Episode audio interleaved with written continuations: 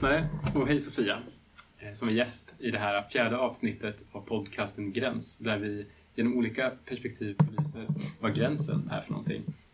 Idag ska vi diskutera livets slutgiltiga gräns, döden. Eh, Men det är ju ett ganska stort ämne. Mm. Eh, Och vi känner ju varandra i och med att vi båda är cirkelledare för Akademiska föreningens litteraturutskott Ordkonst. Och då tänkte jag att då kan man ju minska omfånget på det här stora ämnet och kanske prata mer specifikt om döden i litteraturen.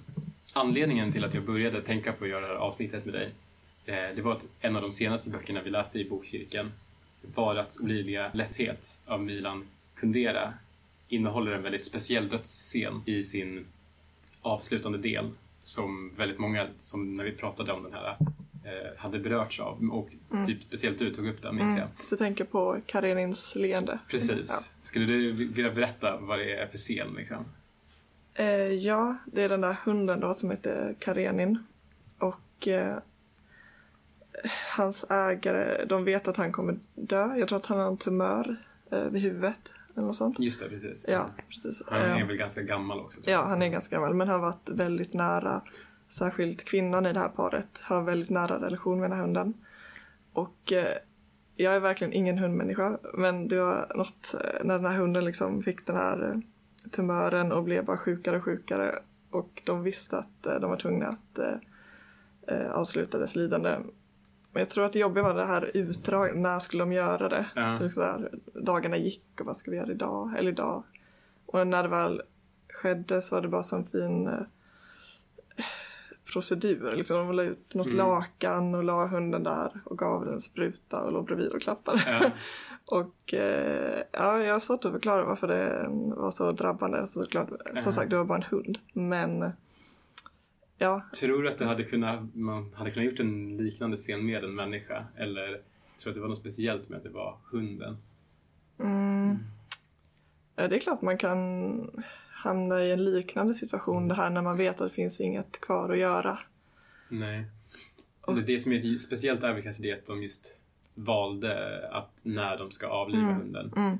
Det är så att han, mannen i paret, visst, visst var det de som var Thomas och, och Teresa va? Mm. Det, Jag det var så det. mycket Ja. blandning mellan Ja, det var- paren det var så det var svårt att komma ihåg eh, Ja. vem som var Men jag tror Ja, att det. han är läkare så han kan liksom Mm. utföra den här Eh, avlivningen själv. Liksom. Mm. Eh, på det sättet så är det ju en grej att det är en hund för det hade ju varit svårt för honom att kanske avliva en människa på det Mm. sättet. Mm.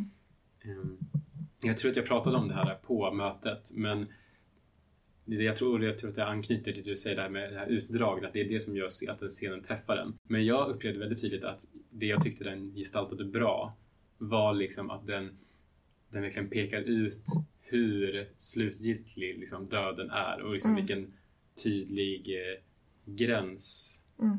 eh, som den ja, som de verkligen kliver över när de Mm. avlivar hunden.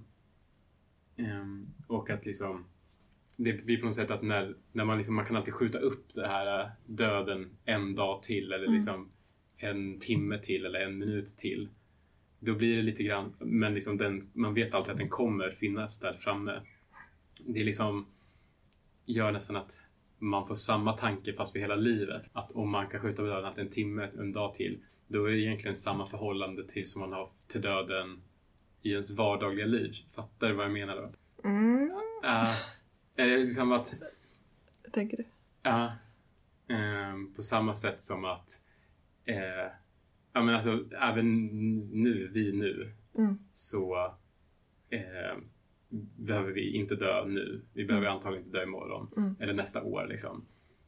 Men det kommer liksom någon gång. Och det känns som att det var det som det här, det här sättet att beskriva döden, att, Mm. att de lyckades fånga det på ett väldigt bra sätt. Mm. Tyckte det var någonting mer som var vackert i den scenen?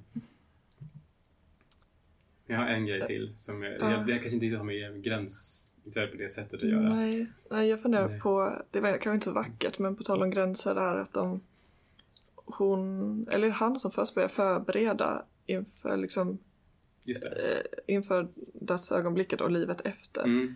Och den andra parten blir så himla upprörd över det. Va? Du Just kan det. inte börja förbereda innan det har skett. Ja, Vilket också är, det är ju egentligen bara känslor. Liksom, men det är det inte så att hon samtidigt nästan själv också förbereder sig Mm, på något ja, precis. sätt? Ja. Jag tror båda gör det. Men Ja. de blir väldigt upprörda när det andra gör det. För då, det ses som det. okänsligt. Ja. Men egentligen så det kom, de vet på att det kommer ske. Liksom. Ja, för jag, det var precis den här grejen som jag också tänkte på. Att det finns Mm. liksom någon sorts eh, motsats, liksom ett förhållande till att de måste förbereda sig för annars blir det så himla hemskt när det väl händer. Utan de måste typ stålsätta sig eller ha någon sorts eh, ritual för att liksom kunna hantera det. Mm. Men de liksom måste ändå låtsas om som att det Mm. inte är på väg. Mm. Um, vilket jag inte vet om. Det vet jag inte om det bara är för att de kanske inte är tillräckligt starka än för att kunna acceptera att det faktiskt är någonting som kommer. Mm. Mm. Men finns det inte ett tabu kring det också? Att förbereda? För, Ja, Jag tänker, ja, människor och djur som har dött i ens liv. Alltså det, det är någonting man inte riktigt vill ta. Man vill inte börja förbereda innan det har hänt. nej. Det är ju något i det, Det som... finns ju liksom vissa förberedelser som man kan ta, alltså så här, det här Vita arkivet typ, eller Mm. bara skriva så här testamente och så. Men jag kan typ så känna igen det, alltså att gamla kanske så här kan börja prata så här, du vet när jag försvinner då vill jag Mm. att du ska ha den här grejen. Och man då som ung kanske man inte riktigt vill så acceptera, acceptera det. Då så säger man så här, Mm. Nej. nej, nej, nej, det, så det här, Du kommer ja klara dig. exakt. Du är hundra år med det. Exakt, det här är det ju om en, liksom en evighet. Mm. Eller, eh, och då, med det, då, är det ju som, då är det ju aldrig om det är... Ja. Men det är också skillnad på att förbereda sin egen död och att förbereda sig för någon annans död. Ja, det är sant. Det, ja. det finns ju en annan okänslighet i att liksom, ja men nu rensar jag ut här alla dina saker för du ska ju Mm. ändå dö snart. Det är ju till skillnad från att man själv bara, nej men jag dödstädar för er det, skull. ja. Liksom. ja, det är sant. Ja, det blir ett steg värre. Och jag skulle också säga på grund just av att det är en hund igen, så är väl att den är så oskyldig och vet Mm. själv inte om att den ska dö. Ja, just det. Mm, det var nog en väldigt viktig del av Ja. den, det kapitlet och det som Mm. gjorde det så starkt. Eh, att den led så mycket Mm. men en visste inte att, ja precis, att de ägarna liksom hade ändå Ja. makten och att de när som helst skulle ja, ta slut på det. Ja. Och Karenes leende hette ju avsnittet och för att den log lite grann. Ja. Liksom. Ja, så. det är så himla hemskt att det verkligen är ägarna som Mm. man då litar på så extremt mycket. Så det känns ju som att det är ett svek, Mm, även om det är någonting som är nödvändigt. Liksom. Mm. Det är det. verkligen så ett nödvändigt svek. Då. mm, Jag, alltså jag tycker det var speciellt det här med att de, alltså just att de bråkade så mycket Mm. runt om hunden. Att jag tyckte typ att även att de bråkade, det kan ju vara, skulle ju kunna vara så väldigt sorgligt i en historia. Att Mm. När de är på ett sånt verkligen en, ja, alltså ett, vad säger man, ett svagt, en svag stund i livet liksom. Att när vi båda är ganska bräckliga så kan de liksom inte möta varandra riktigt utan de bråkar om, ja det är väl delvis det här med förberedelsen, men jag har för mig att de bråkar om andra grejer också. Mm. Eh, Men på något sätt så tyckte jag typ också att det var en så här vacker del i det hela. Alltså i beskrivningen. mm, Det kan jag inte heller riktigt förklara varför. Det bara Mm. det liksom visar på att vi bara är människor. Typ. mm. Ja precis, Ja. det blir inte för sentimentalt. Nej. Utan det blir mer, ja, det träffar en mer då. Ja. Det Mm. kanske känns mer äkta. Mm. Ja.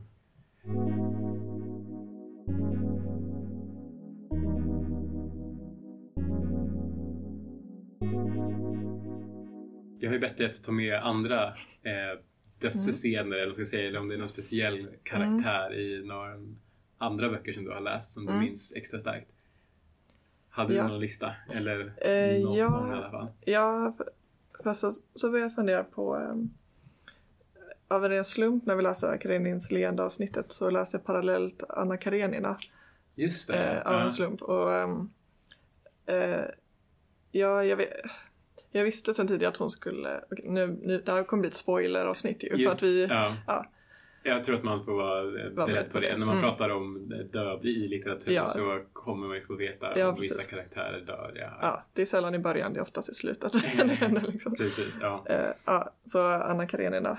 Ehm, jag visste att hon skulle dö i slutet.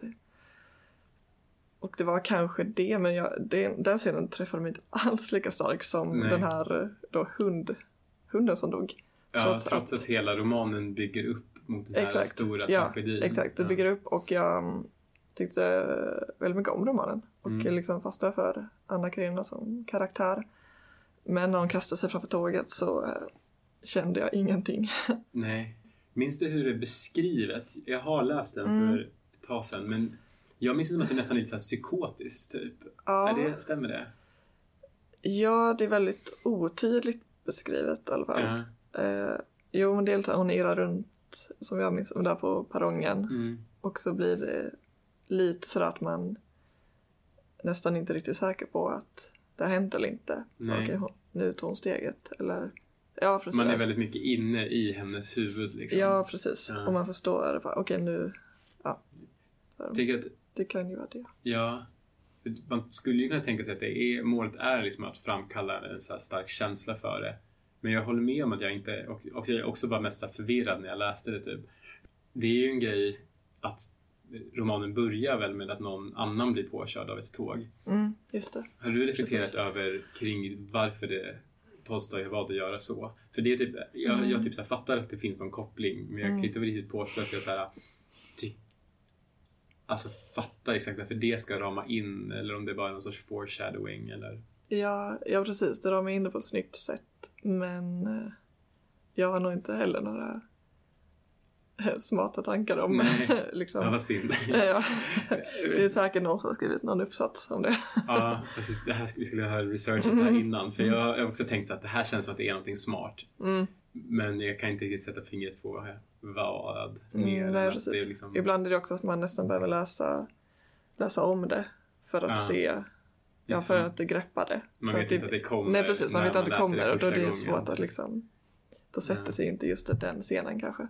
Nej. Jag tror typ att det det kanske gjorde för mig var att jag var mera inne på att folk kunde dö på tågstationer. Så att Mm. när de var där, jag tror att det kanske kan ha blivit Mm. som en spänning för mig för jag visste att eh, att möjligheten liksom finns Mm. i det här liksom, romanuniverset att någon dör Mm. framför ett tåg. Typ. Mm.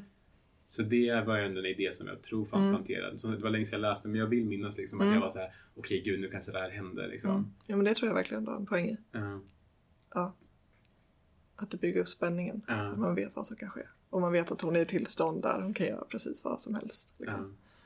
Men då blir ju återigen, han, det blir som inte känslosamt på det sättet utan det Mm. blir mer liksom nästan lite Mm, thrilleraktigt. mm, verkligen. Ja, det var mer så Ja. än uh, tårdrypande. Mm. Mm. Mm. Hade du Ja, någon annan? Jag har, har um, ett par av dem vet, har vi läst i bokcirkeln. Mm. Så det, vi kanske kan prata um, lite mer om dem. Och så kan jag bara nämna, eh, har du läst Våra drömmars stad-serien? Ja, ja. Ja. Jag tänkte på Hennings död i den första boken. Han Just som är den. Ja, den här läste jag i nian. Ja, ja det var också Men- jätte... ja. Jag kommer knappt ihåg. Jag kommer bara ihåg att jag fick tårar i ögonen liksom. Ja. Det Ja. tyckte jag blev... eh, Men ja, det är han Henning, den här första personen man följer som kommer till staden och så skaffar han familj. Och där tror jag att det var att de byggde upp så mycket att han skaffade sin, de här barnen och han hade sin fru som han älskar och de hade äntligen lyckats få liksom lite bättre liv och han bara Mm. slet liksom dygnet runt. Jobbar i hamnen va? Som Ja. lastare. Ja, precis. Och eh, jag tror han dog i lung, lungsot. Någon slags Ja, lungsjukdom. lunginflammation kanske. Ja, ja, han bara gick och ja, hostade och så här. Och han var väl typ så här 25 eller någonting. Ja, jätteung. är- Jätteung och bara slet. Och de har äntligen fått det här huset på Söders höjder. Och så dör han. Ja, Sorgligt. det är verkligen så. Har du läst de andra delarna i serien också? För Ja. jag, ska säga, jag tycker hela Mm. den serien innehåller väldigt många Mm. eh, starka dödsscener. Mm. Det finns ju även den här... eh, är det kanske hans fru som dör när de tvättar vid Mm. isen? Ja, Lotten. Och som Lotten, ja, som precis. ramlar i. Precis. Mm. Det är också så här, för det liksom kommer så plötsligt. Liksom. Mm. Och då typ fattar man hur det, hur det kunde vara på den tiden. Liksom, att någon bara... Det, visst, det kan hända nu, men det känns som att det var Mm. någonting som låg närmare till hans. Mm. Att någon bara dog i en olycka så Ja. plötsligt. Ja, ja precis. Att det är mängder av arbetskraft liksom, Mm. och ingen säkerhet. Så det bara byttes ut liksom. Mm. Så vill att båda dog liksom, under de omständigheterna för att få ett Mm. bättre liv. När vi pratar om eh, böcker vi läste för länge sedan. Mm. Kan du liksom komma ihåg den första dödsscenen som berörde dig? För jag har den väldigt tydligt. Eh, jag minns. Nej, jag- inte vad jag minns. Nej. vad tänker du på? Ehm, ja, det här är kanske inte någon bok som du känner igen, men det finns en fantasyförfattare som heter David Eddings. Mm. Eh, han skriver liksom, det är väl typ barn, eh, slash ungdoms eh, fantasy, typ. Ehm, men då så minns jag att det var under något fältslag där, Mm. så är det en som har blivit liksom, en ung person som har blivit eh, väldigt, alltså fatalt skadad, så han vet att Mm. han ska dö. Och sen har han gjort någonting som gör att hans far eh, har typ stött ut honom. Och han har då sin far hos sig på dödsbädden och verkligen ber honom om förlåtelse. Ehm, men pappan kan inte ge honom förlåtelse och Mm. han får dö liksom utan att ha fått sin fars förlåtelse. Och då minns jag att när jag läste det, jag, kan inte, jag vet inte hur gammal jag kan ha varit, men säg att jag var typ 12 eller någonting. Mm. Att jag liksom verkligen fick tårar i ögonen. Mm. Och det, det är konstigt för det är så här, din scen som jag liksom, jag tror inte riktigt jag kunde relatera till det här. Mm. Men det var ändå någonting, alltså det var att det var, jag tror det att det ändå var känslor som inte var liksom döden i sig bara, utan att det var någonting runt omkring Mm. som gjorde det ännu, ännu värre. Mm. Att träffade mig väldigt hårt. Mm. Det kan också bara varit att det var en av de första gångerna som en karaktär som jag verkligen hade byggt relation till dog Mm. också. Mm. Men det var någonting just det med förlåtelsen också. Mm. Ja, men ofta är det Mm. väl så. Liksom, personerna runt, runt omkring och Mm. eh, omständigheterna runt omkring som gör att det liksom byggs på. Att det blir så extremt sorgligt Ja. ibland. Liksom. Ja. Det är nästan konstigt för man tänker ju att döden är en så stor grej att bara den borde vara Mm. liksom tragisk nog. Men Mm. det är verkligen så att man måste ha en relation till Mm. alltså romankaraktären för Mm. att det ska träffa en. Eller att det ska liksom kännas som en riktig karaktär. Mm. Minns du hur du eh, reagerade för, jag tänker en klassisk barndöd är väl kanske alltså Harry Potter, eller ungdomsdöd, jag vet inte. Mm. Eh, typ Dobby eller om det nu är Fred eller George, de där Mm. sista Ja, just böckerna. det. Ja, just det. Ja, men den är jobbig. Fred och George, liksom tvillingar. Ja. Och det vet jag, jag läste någon roman när jag var yngre, jag kommer inte ihåg vad den hette. Ja, men det var kanske min första sån. Mm. Det var också tvillingar och den ena fick cancer. Och det var också så, så oh, det liksom att man är så nära, man har verkligen haft varandra hela livet. Ja. Så dödade den där ung. Så Ja. usch. Minns om det var en eh, del av, alltså var det eh, plotten för hela boken? Mm, det var det. Eh, Ja, så det här var byggdes upp. precis på slutet? Ja, det var det. Ja, ja. Precis. just det. Gud, nu, nu när vi börjar prata om det här så inser jag att det finns ju jättemånga grejer Mm. eh, som jag då kanske vet inte har förträngt. Jag minns att vi läste I taket lyser stjärnorna i femman till att vår lärare hade Eh, högläsningar där. Minns du det, ja, vilken bok det är? påminn mig om. Hon, det är också en tjej som eh, har cancer och jag tror att hon vet att hon ska dö. Mm, just det. Och, eh, Just men det. den minns jag, jag tyckte det var jättejobbigt. Då, satt man Ja. där i hel klass liksom, Mm. typ och käkade lunch eller någonting. och sen så läste läraren om den här tjejen som har liksom en jättehemsk sjukdom som man Mm. knappt förstår.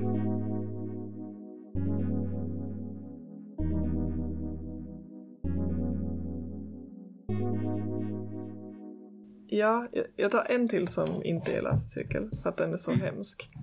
Eh, som är det vi pratar om, att den har inte liksom, man har ingen koppling till karaktären. Så man tycker inte det är sorgligt.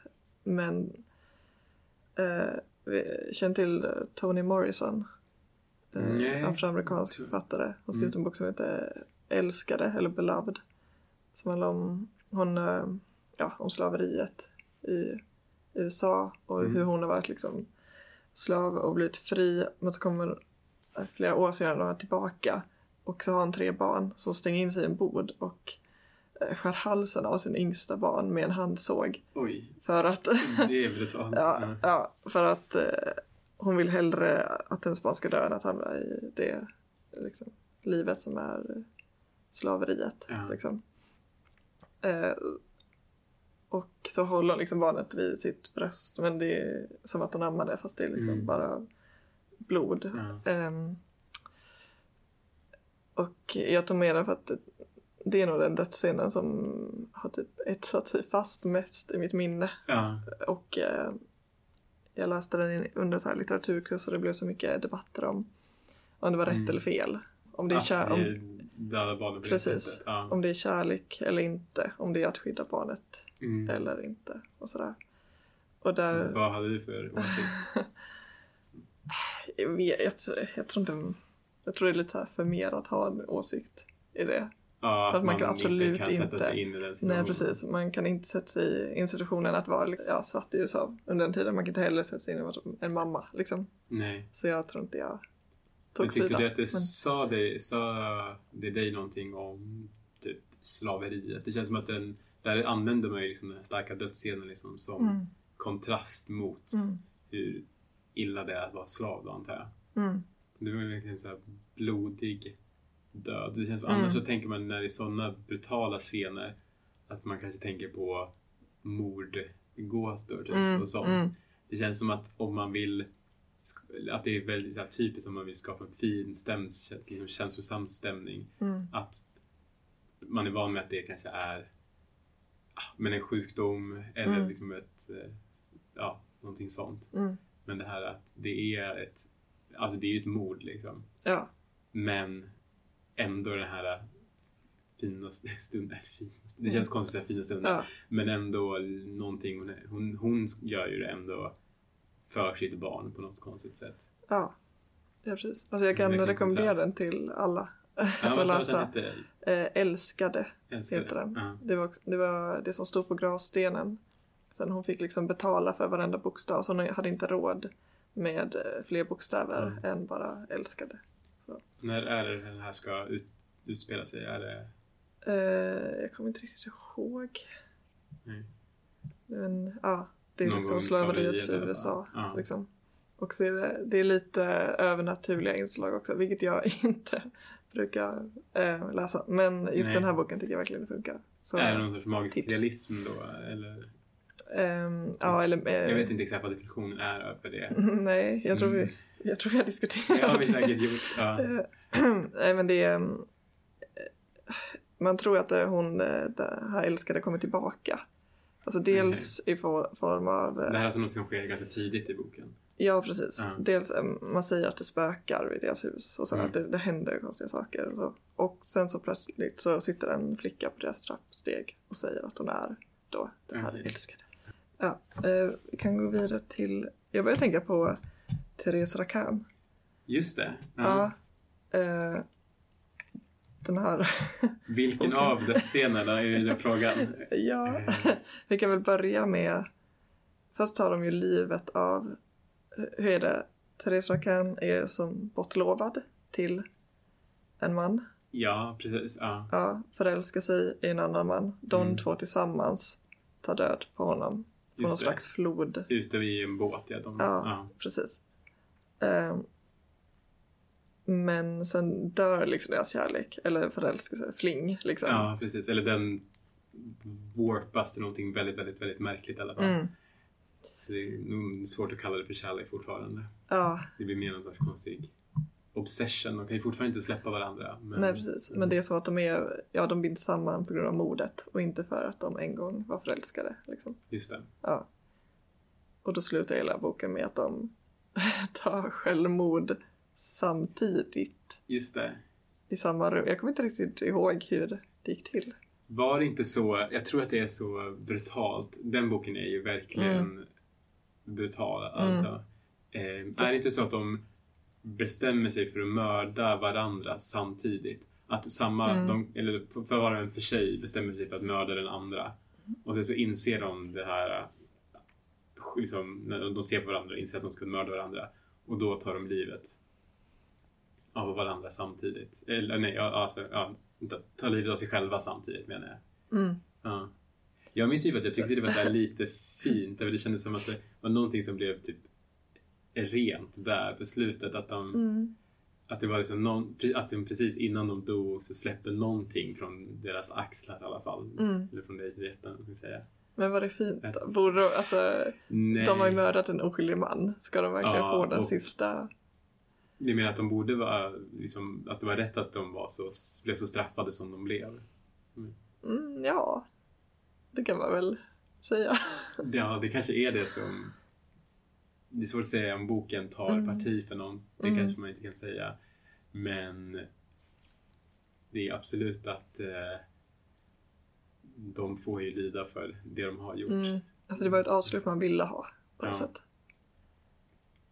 Ja, ja, dessutom att det sker framför den här stackars mormodern, eller kanske bara modern är det väl, Mm. som blir blind.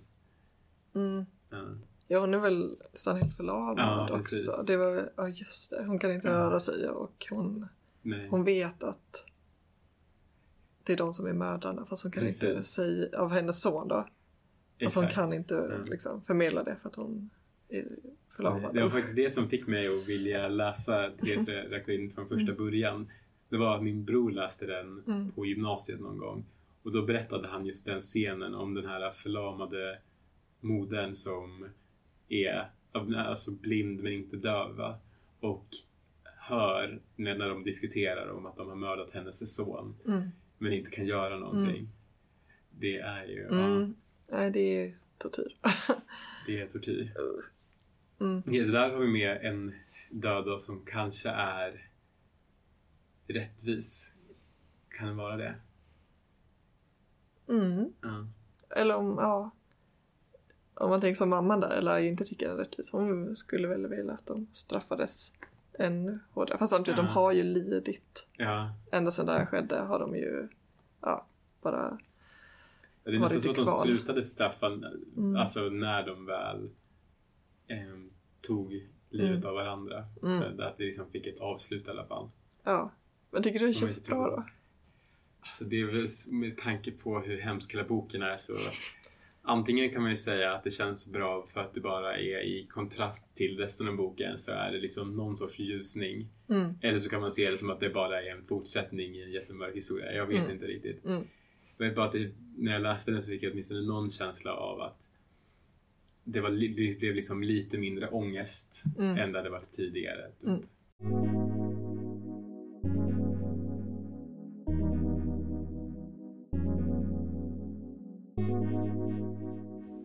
Om du också har några Ja, för jag tänkte på på en som är döden i litteraturen men på ett väldigt annorlunda sätt än de Mm. som vi haft tidigare. Mm. Eh, nämligen i Boktjuven. Har du läst den? Mm, för jättelänge sedan. Ja. Där är ju döden berättare. Just det. Just det.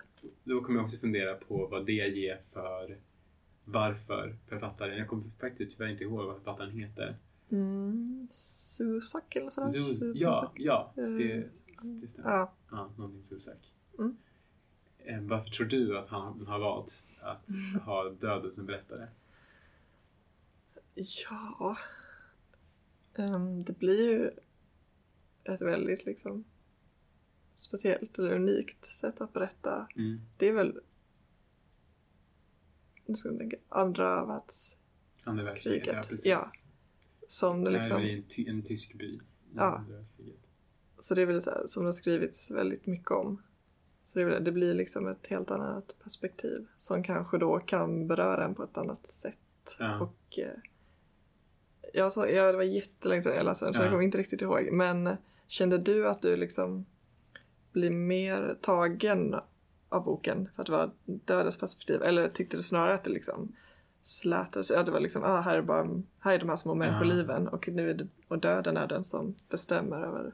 Jag tror det som döden tillät, alltså som berättade vad det tillät var ju att han hoppade väldigt mycket i tiden. Mm. Och han blev liksom en yttre berättare. Det är väl också bara ganska starkt i det här med att alltså det bara säger någonting om hur mycket livet under den här tiden handlade om döden. Därför det var, alltså det var såklart förintelsen och det var krig och med bomber. Att eh, han var väldigt närvarande hela tiden. För mig så är det det som det säger, alltså vad boken säger mig när döden är berättare. Det kom, händer ju flera gånger att han berättar om hur många liv han får hämta hem liksom, eh, under berättelsen. Och eh, det sätter ju också fokuset väldigt tydligt för att döden är ju, folk dör ju i boken också. Så han är både som en karaktär men som också eh, också men också händelser och det sätter ju fokuset väldigt mycket på när karaktärerna dör. Eh, det här är ju också spoilers då men han berättar ju i förväg när flera karaktärer kommer att dö och jag tror nästan, mm. nästan i början till och med att han eh, beskriver jag säger liksom att den kommer dö. Sen kanske inte exakt hur den kommer dö, men man liksom mm. vet om det. Mm. Och det skapar ju en spänning i boken. Mm. Så upplägget är liksom att döden vet redan om när... Exakt, eller jag tror han, han minns tillbaka här för mig. Um, så han mm, berättar okay. som en historia. Okej, okay, just det. Ja, ja. Mm. Sen får man ju också det här perspektivet. Han berättar ju alltid mycket om färger. Ehm, mm. Så det, det, blir också någonting att han sätter fokus på någonting som liksom ligger bortom människorna. Mm att eh, ja, men nästan som någonting konstnärligt, liksom det estetiska värdet i, i världen, eh, man säga. Snarare än människoliven, typ. Om man går tillbaka till det här med gränser så mm. eh, lyfter man ju då fram döden. Det är ju väldigt vanligt att döden är en karaktär liksom, i olika kulturer och genom historien och så. Mm. mm. Då blir det ju inte en gräns på samma sätt utan då är det ju delvis så säger det ju någonting om att det finns ett liv efter detta för då han eh, i boken så är det ju att när de har dött så lyfter döden iväg deras själar till o, oklart ställe, liksom, någon sorts mm. himmel eller någonting. Mm. Och det blir ju ett sätt också att kunna beskriva båda sidor om, om döden. Både när de först lever så kan han liksom träff, berätta om när han har träffat dem. Mm. Och vad de gjorde då. Men sen också om hur han bär upp dem till himlen typ. Mm. Jag, ja, jag vill ändå minnas att, apropå liksom när scenen har berört den, att mm. när den här dödsscenen som man typ hade väntat på i hela, i hela boken. Det som händer är ju då, som sagt, varning spoilers, men att den här byn när, där allting utspelar sig blir bombad och att i princip alla dör som hela berättelsen har handlat om. Att det verkligen, verkligen berörde mig. Trots mm. att jag visste att det skulle komma. Mm. Och, det, och det tror jag var liksom jag tror att han hade liksom lyckats bygga upp det i steg mm. genom att berätta att man visste att det skulle komma. Egentligen lite liknande som i Karenerna också. Liksom, att genom att veta att det är någonting som ligger i framtiden men inte riktigt än. Och sedan tar det steg. Att han berättar lite mer detaljer. Mm. Han börjar att man bara vet att man ska dö och sen vet man kanske lite mer om hur man ska dö. Mm. Och sedan i ett tredje steg, eller om det är fjärde steg, då är det då det verkligen sker. Mm. Att man har... Det blir liksom inte plötsligt på samma sätt som i, mm. i Karenerna till exempel. Mm. Men när kommer liksom sorgen då? Tyckte du att det var lite sorgligt genom hela boken eller var det ändå vid det slutgiltiga Det var, det var det slutgiltiga faktiskt. Ja. Jag tror, att, jag tror jag blev så chockad och kanske lite, jag blev typ nästan lite irriterad mm. första gången. Där kunde jag vara såhär, jaha okej varför ska jag fortsätta läsa? Mm. Den här boken nu om jag vet att det slutar sådär? ja. Men så tyckte jag ändå att han lyckades göra någonting bra mm. av det på slutet. Och det är väl mm. därför den är väl, den har väl fått en massa priser och så. Ja, alltså, ja, att, jo, det, det, att han skriver den på ett bra sätt. Ja. Eh, som tur är. Eh, Ja, så ja, det, då, då, det ännu, blir ännu mer skickligt på grund av att man mm. börjar liksom bli irriterad men sen mm. kan man ändå mm. känna någonting. Mm.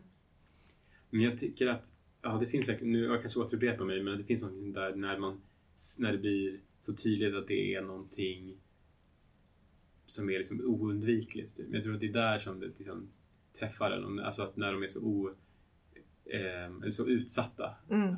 Det här med att det verkligen, de dör av ett, ett flyganfall. Liksom. Mm. Det gör någonting mm. väldigt, väldigt starkt. Liksom. Ja. De liksom är till och med i sina hem. Mm. Som ska vara liksom den mest trygga platsen. Mm. Jag går bort lite från just litteraturen men det, eh, jag såg på The Crown, som är en tv-serie. Mm. Och där finns det en, en, ett avsnitt när det är barn i som är i en skolbyggnad mm. som blir träffade av ett eh, jordskred från någon sorts kolgruva tror jag mm. och blir begravda levande. Och den, den blev jag extremt träffad av, den dödsscenen. Mm. Eh, och då var det också just det här att de är på en plats som ska vara så trygg. Det är också Mm. såklart att det är, barn.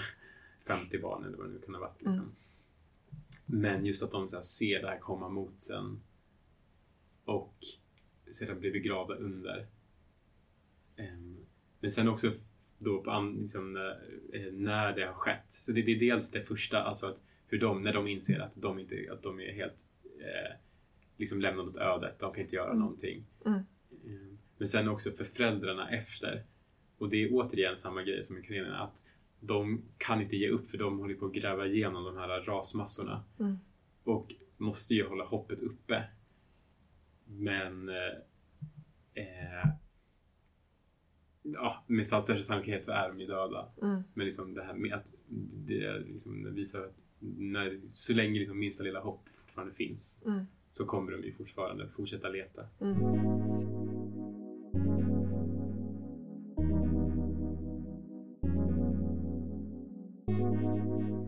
Jag tänker motsatsen till det, det här, de här trygga rummen, Ja. de är så här krigsskildringar. Just det. Det börjar jag fundera på, så här, om man pratar om dödlig litteratur så Mm. kommer ju det, liksom, kommer man tänka på det någonstans. Som, eh, ja, väst, på västfronten, inte ett nytt. Just Så det. jag tycker det var väldigt så, Kan du, kan du, jag kommer inte exakt ihåg hur det är eh, Jag, med eh, döden där. Jag tror det kan vara så att jag inte har läst den. Det kan vara Mm. bara att min bror har berättat om den. Det är också en bok jag läste för väldigt länge sedan. Ja. Jag kommer inte ihåg exakta storyn. Jag kommer bara ihåg att man följde de här unga soldaterna och Mm. man kom så himla nära då döden. Och att de, ja, de är så extremt unga och Mm. liksom barnsliga. De som typ bara unga killar. Ja. Och så kommer de ut på fältet Ja. och ska möta all, ja, den här döden och misären. Och så blir de liksom aldrig eh, ja, tillsamma igen på något sätt. Nej. Vi läser ju krig, krig och fred nu i bokcirkeln. Just det. Ja, jag tänkte att vi Eh. kanske skulle kunna passera den. Ja. Ja. Förbi den. Eh, Ja. hur, hur långt är det som du har läst nu? Eh, Jag har läst eh, del ett av fyra. Ja, Ja, okej. Ja, men jag har läst ett och lite eh, andra halvan. Men då kan vi Ja. diskutera första, Ja. första delen. så nu är de ju ja, mitt på slagfältet Ja. med ja, Napoleon och Kejsar Alexander. Ehm, och på tal om gränser, där är det ju verkligen en tydlig gräns där du vet att gå- om du går över den här fys- fysiska gränsen Du tänker mellan Eh, arméerna? ja, mellan arméerna Mm. så finns det väldigt stor risk att du inte klarar dig. Liksom. Visst tar han till och med upp det i boken? Så beskriver Mm. man väl hur de liksom ser den här äh, någon sorts osynlig linje men ändå väldigt tydlig mellan Ja, arméerna och Ja, verkligen är med, ja, medvetna om det. Ja. Ja, och man förstår verkligen det här spelet på sig. Det bara flyttar gränser, alltså landgränser Ja, genom eh, ja, människolivet på något sätt. ja. Jag pratade med en eh, kille igår om krig och fred faktiskt. Mm. Eh, Och han var lite besviken över den för han trodde att när han hade börjat läsa den hade han trott att det skulle vara som någon sorts instruktionsbok i krig och fred. Typ. Okej, Ehm, jag vet inte riktigt vad, hur han vad skulle han ha de kunskaperna här till? Jag, han kanske hade tänkt att det skulle vara som den här... äh, Det finns ju någon bok som är typ eh, handlar om krig. Nu kommer jag inte ihåg. Det är någon gammal. Väldigt gammal bok. Jag kommer inte ihåg. Ja, han kanske förväntade sig att det var någonting sånt. Mm. Ehm, men då så, typ när jag skulle förklara vad, hur jag såg på boken Mm. så typ insåg jag att den liksom handlar för mig väldigt mycket om liksom skillnaden mellan kriget på plats där Mm. och hur den sedan eh, liksom bilden av kriget i Mm. så här, salongerna i Mm. Moskva och Mm. Sankt Petersburg. Det känns som att där i salongerna då är man nästan, har man nästan helt abstraherat bort själva döden som sker på slagfältet. Ja. Medan där så framstår ju nästan alla döda i princip som helt Mm. meningslösa. Mm. Det är ju liksom, det, man fattar inte, det handlar inte om hjältemod för att en person kan bli träffad av en granat eller ett gevärsskott Mm. från ingenstans liksom helt plötsligt. Alltså de Mm. personer som dör, det är bara Mm. 100% slumpmässigt. Mm. Medans sedan i efterhand, efter tiden, det är då man börjar konstruera den här bilden om vilka var det som betedde sig hjältemodigt Mm. och vilka var det som liksom räddade oss eller Ja, svek oss och så Ja. sprang undan. ja. Exakt. Men finns det inte någon slags, ja, man kan, eh, för det är en av karaktärerna, eh, eller är det flera, som har liksom någon slags längtan efter att dö nästan. längtan det efter att... Rostov då? Som Ja, jag tänker på? ja. Han som är ung, mm, heter det, husar. Ja, precis. Jag tror att nu ska jag säga, Bol- Bolonski Ja. också har lite samma... Att de båda strä, strä, ja. ja, strävar efter den här eh, liksom äran och berömmelsen. Mm. Och särskilt när de får se liksom, kejsaren så då liksom flammar det upp. Och att de Ja. uttryckligen säger så här, jag vill dö. Jag vill dö Ja. för mitt land, jag vill dö för min kejsare.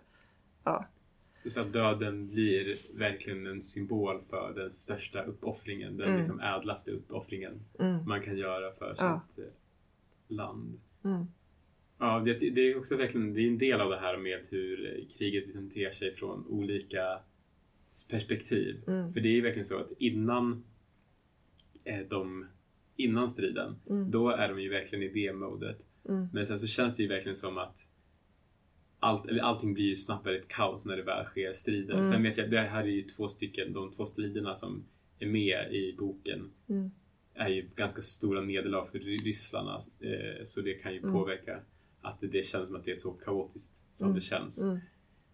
Men sen efter, då kan man gå tillbaka och liksom Mm. återigen tänka att Ja gud, tänk om jag hade dött liksom. Tänk om jag hade kämpat liksom in till slutet. Vad, vilken Mm. stor grej det hade varit. ja. ja. Det är väldigt ojämnt också, den här inställningen de har. Mm. Det är som att det ibland slår drömmar, men jag har ju min familj där hemma.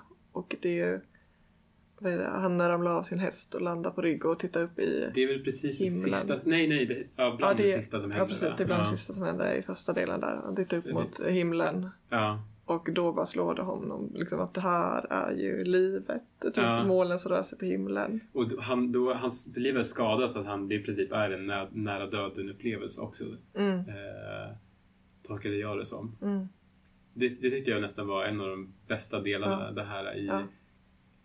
Att liksom, och att det går så snabbt också. Mm. För det är verkligen att han tar upp en fana så ska han liksom eh, Mm. storma och rida nästan, Ja, nästan själv. Liksom, att han Ja. ska göra ett, hjältedåd. ja. Och sen så händer det att han nästan dör. Mm, Och då direkt så får han den här mm, uppenbarelsen som du sa mm, om vad livet egentligen innebär. mm, Och sen så träffar han ju Napoleon efter det. mm. Och då blir han ju nästan helt blasé. Ja, mot honom. Ja, Mm, att han är såhär, bara okej, vad är den här mannen liksom, det är bara en helt vanlig människa liksom. Ja. han, ja, just det. på, något, på ett sätt så blir det så att han, nästan, han liksom avmytologiserar hela Mm. verkligheten och det är först då han liksom kan komma den nära och verkligen uppskatta. Mm. Ja, precis. Det är väl dels att han träffar honom i egen hög person och ser Ja. att det är bara en liten människa. Mm. Liksom.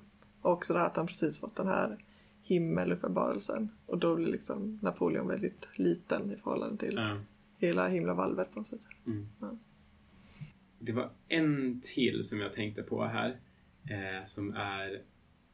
ehm, ska vi se här.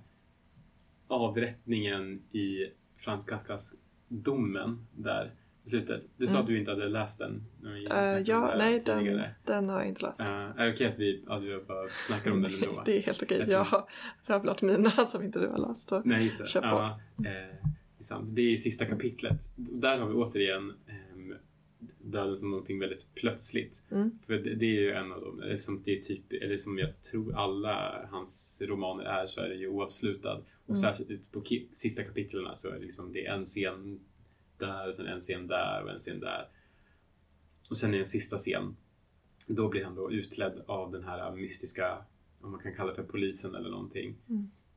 Och han har ju försökt kämpa genom hela boken mot den här domen som han har fått, som han inte vet Mm. eh, varifrån den kommer. Mm. Men nu i det här sista kapitlet, då har de bara helt gett upp. Mm. Och det här knyter ju också an till det här med hoppet och döden. Att det känns som att det är någonting som ligger så nära varandra. För att det är nästan som att i det att han har gett upp, det är typ det som gör att han blir avrättad i princip. Mm. Och det är inte bara det att han ger upp och är liksom apatisk, utan han till och med nästan välkomnar döden lite grann. Att han Mm. liksom börjar se sig själv som skyldig och liksom vänder upp halsen har jag för mig att han Mm. gör i princip. Mm. Och det jag kan inte, jag kan inte påstå att det träffade mig som så här, så här känslofyllt. Mm. Ehm, det den boken är ju inte riktigt sentimental på det sättet utan Mm. den är ju ja, Kafkaesk. Mm.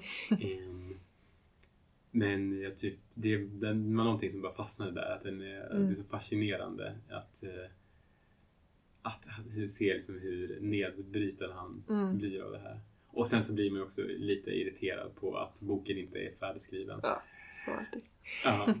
Ehm, men Men det var mer liksom symboliskt då, med den här precis. Döden, Ja, exakt. Mm. Och att den är så... Eh, det, är också som jag tycker är väldigt, om man kan kalla det för genialiskt, det är ju att den är så enkel. Mm. Själva död, döden är ju bara, jag tror de, det är liksom inte en avrättningssal eller någonting sånt utan de går bara ut på typ en kulle utanför staden om jag minns Mm. rätt nu. Mm. Och sen så är det en helt vanlig en helt vanlig halshuggning. du vet, som, Ja. som, som, hals, som halshuggningar är. Eh, om man då jämför det med hur komplext det, eller systemet, så Mm. den här mystiska ehm, domstolen som har dömt honom som har Mm. liksom massa instanser och den går inte att förstå. Mm. Och sen så i kontrast till det så har Mm. vi ehm, ja, själva Mm, avrättningen som är liksom. Ja. Exakt, och i, ja, knappt kliniska utan mer liksom bara barbariska.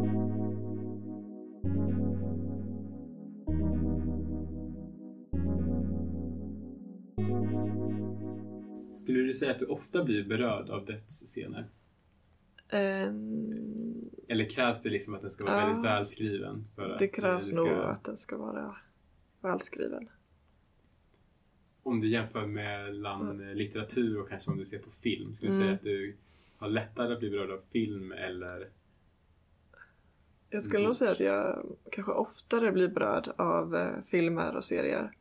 Men det går liksom aldrig lika djupt som när man läser Nej. en riktigt liksom, bra dödsscen. ja, riktigt, riktigt välskriven Ja. dödsscen. Då, det känns som att det är något helt annat som typ får fäste då i en. Mm. För att det är på något sätt man målar upp sina egna bilder.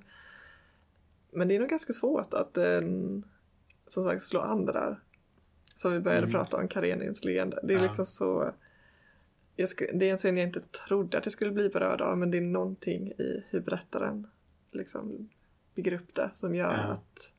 Det känns som att vi diskuterat lite sorgligt. olika liksom, sätt som man Mm. författare närmar sig. Ja, Antingen att det dels handlar om karaktärerna runt omkring och liksom hur de förhåller sig. mm, Och sen såklart hur man själv förhåller sig till läsaren. Man har ett väldigt personligt... Eh, alltså man har fått lära känna den under lång, lång tid. mm, Men sen har vi också att antingen att det någon, om det är något som sker väldigt plötsligt mm, eller om det är det här eh, för utdragna som man blir Mm. förvarnad för. mm, Det, är också, det kanske är väldigt rimligt att om det är någonting som man har liksom kunnat, man kan liksom börja bygga upp känslorna, att, det, Mm. att man kanske att man känner liksom starkare mm, kring det. Ja. Mm. Det känns ju som det här med att litteratur kanske har svårare att beröra men att det berör mer på djupet när det väl gör det. mm. Skulle du säga, är inte det någonting återkommande för litteratur i allmänhet? Jo, det skulle jag säga. Eh, Ja. Då tänkte jag att jag kan använda det som en övergång. För jag, nu när jag ändå har det här tänkte jag att jag kan passa på att ställa lite eh, andra frågor om mera allmänna frågor om litteratur. Mm. Eh, och det är alltså bara typ allmänt när du började bli intresserad av liksom, litteratur. Du nämnde att du Mm. hade läst eh, en kurs i, i litteraturvetenskap. Ja, ja. Var det liksom första, din första insteg eller var det någonting annat mycket tidigare? Som, Eh, nej, men det var nog mycket tidigare. Jag antar att jag som barn blev introducerad till böcker på något sätt och sen har det bara hängt i. Jag är från en väldigt liten håla i Småland Okej. och där fanns det ett minibibliotek. Och jag hade läst eh, nästan varenda bok som fanns på Okej. barn och ungdoms. Ja. För det var bara några hyllor liksom. Så man kom till de här genrerna som man inte ville läsa, typ så skräckböcker Ja. och så här, eh, ja. Men jag läste dem också, för det var typ det som fanns. Okej. så jag antar att det hänger i därifrån. Och sen sökt läsa på universitetet, Ja. någon så här litteraturvetenskap. Eh, men jag tyckte det tog nästan lite död på ens eh, vilja att läsa. Okej, det jag var så- har inte gjort det. Jag läste Nej, men gör 0,5 inte det. litteratur. Nej, Nej men det, eller... Det var, på vilket sätt? och. Var det bara det att du var tvungen att läsa så mycket? Ja, eller? ja, precis. Det var mängder. Alltså allt annat var... Det, Det, var, var jätte... inte att du tyckte att du analyserade sönder det? eh, nej, det tycker jag nog inte. Det tyckte jag om att liksom vara i en klass och vara liksom en stor grupp med människor som ja, är så intresserade av litteratur och bara sitta och prata om det. Men ofta var det så att kanske två eller tre böcker i veckan man skulle läsa. Mm. Så det blev liksom bara en... Och på tal om det här att bli liksom känslomässigt berörd av en bok, det gick nästan inte Nej. efter ett tag för att det var bara karaktärer som liksom byttes ut på löpande band. Så där känns det som att eh, läsglädjen liksom dog lite. Ja, Men nu, nu har det kommit tillbaka igen. ja men vad skönt. Mm. Ja, för du, just det, du läser inte det fortfarande? Nej. Nej, nej, det var bara en sån eh, en termin liksom. En termin, ja. Eh, Det, det hitta sig själv. då. Att, Termin. ja. Ja, ja exakt. För du, då, med tanke på att du är med i läsecirkeln och så, Mm. eh, då gillar du ändå att diskutera litteratur. Vad skulle Mm. du säga att du får ut av det? Mm. Jag skulle säga... Det här andra perspektiv. Är det att du uppskattar böckerna mer eller tror du att du förstår dem på ett Mm. djupare sätt eller är det att du kommer ihåg dem bättre? Eh, det är nog en kombination. Alltså dels Mm. böckerna i sig, det man har läst. Att man... eh, Det är så mycket som kommer fram när man sitter och pratar om en bok som man själv eh, liksom helt kanske har missat. Eller tolkat på ett annat sätt. Ja. Och man kan sitta och diskutera eh, ibland liksom hur länge som helst en enda scen eller en enda karaktär. Och vrida och vända på det liksom. Och sen att alla har så himla olika erfarenheter. Eh, bara för vem man är, vad man har för liv liksom. Mhm. Då kommer det in också. Ja, jag, jag, jag tycker också att det är väldigt personligt liksom. Mm, Att eh, man får veta liksom, om personerna som man pratar med genom vilka delar de tar upp. mm, Och jag skulle säga att det är många som tar in alltså, no, någon sorts personlig erfarenhet mm, när de pratar i våra läsecirklar också. mm. Ja, jag tänker på när vi läste Down and Out, nej, jo, Down Mm. and Out in Paris and London eh, av Orwell. Och jag kommer ihåg att du och jag tyckte att den var lite rolig. Just det. Eller så här... eh, Ja, jag han- skrev till och med i, i evenemanget att jag skrattade högt de första sidorna liksom, flera gånger. Eh, ja, för handlar om ja, Orwell. Han var ung och bodde på, levde på gatan. Liksom. Mm. Men så vet jag, det var ett par andra deltagare i läsecirkeln som tyckte att den var jättetung. Liksom, vilket jag verkligen förstår, för att den var jättetung. misär. Men sen ja. kom det fram att de pluggade någonting som var väldigt tungt. Um, men om det hade att göra med mänskliga rättigheter eller något sånt där. Mm. Och då liksom eh, att då på det läsa en sån här bok, det blir liksom för mycket för dem. Ja. Medan vi läste den mer som så här, Jag, ty- Jag jag, ty- jag tänkte, högt, som sagt. Exakt, för mig så var, handlade det jättemycket om människoporträtten, liksom alla karaktärer han, Mm. han träffade. mm, Ehm, snarare än att jag kanske kände starkt för hur deras liv var. mm, mm. Ja. Då har jag en sista fråga till dig. Mm. Eh, Om du läser du någonting annat nu under sommaren utöver krig och fred? Vad passar du på? Ehm, jag har inte så mycket tid att läsa. Nej, just det, du sa ju det. Det också på grund av vad är Krug och Fred? Typ 2000 sidor. Ja. Ja. Mm. Så det tar upp mycket tid. Men jag läste precis um, Återstoden av dagen. Ja. Kazuo Eh. Ishiguro? ja, som fick Nobelpris. Precis. Ja. Eh, ja, du rekommenderade en kompis och så läste jag den. Den tyckte jag var bra. Eh, Mm. Har du läst det den? var, Ja, det var typ första boken jag läste av en Nobelpristagare. Ja. Och eh, jag var så förvånad över att den var så pass lättläst. Mm, mm, Ja, det, det här var jä- jättetrevlig läsning bara. mm, mm. Inte så pretto och svårt och Nej. jobbigt. Exakt, utan den var bara trevlig. Mm. Jag har hört tips. att, jag tror det var min mamma som tipsade den. Mm. Hon har även sagt att filmen är bra. Mm. Ja. Det, Just har du sett den? Nej, Nej, kanske jag borde. inte jag heller. Men jag tror den ska vara bra. Ja, Men eh, då tror jag att jag får tacka. Vi har faktiskt snackat i snart en timme. ja, tack själv. Undrar hur många scener vi har hunnit igenom. Ja, många. Det var allt för oss då tror jag. Hej hej!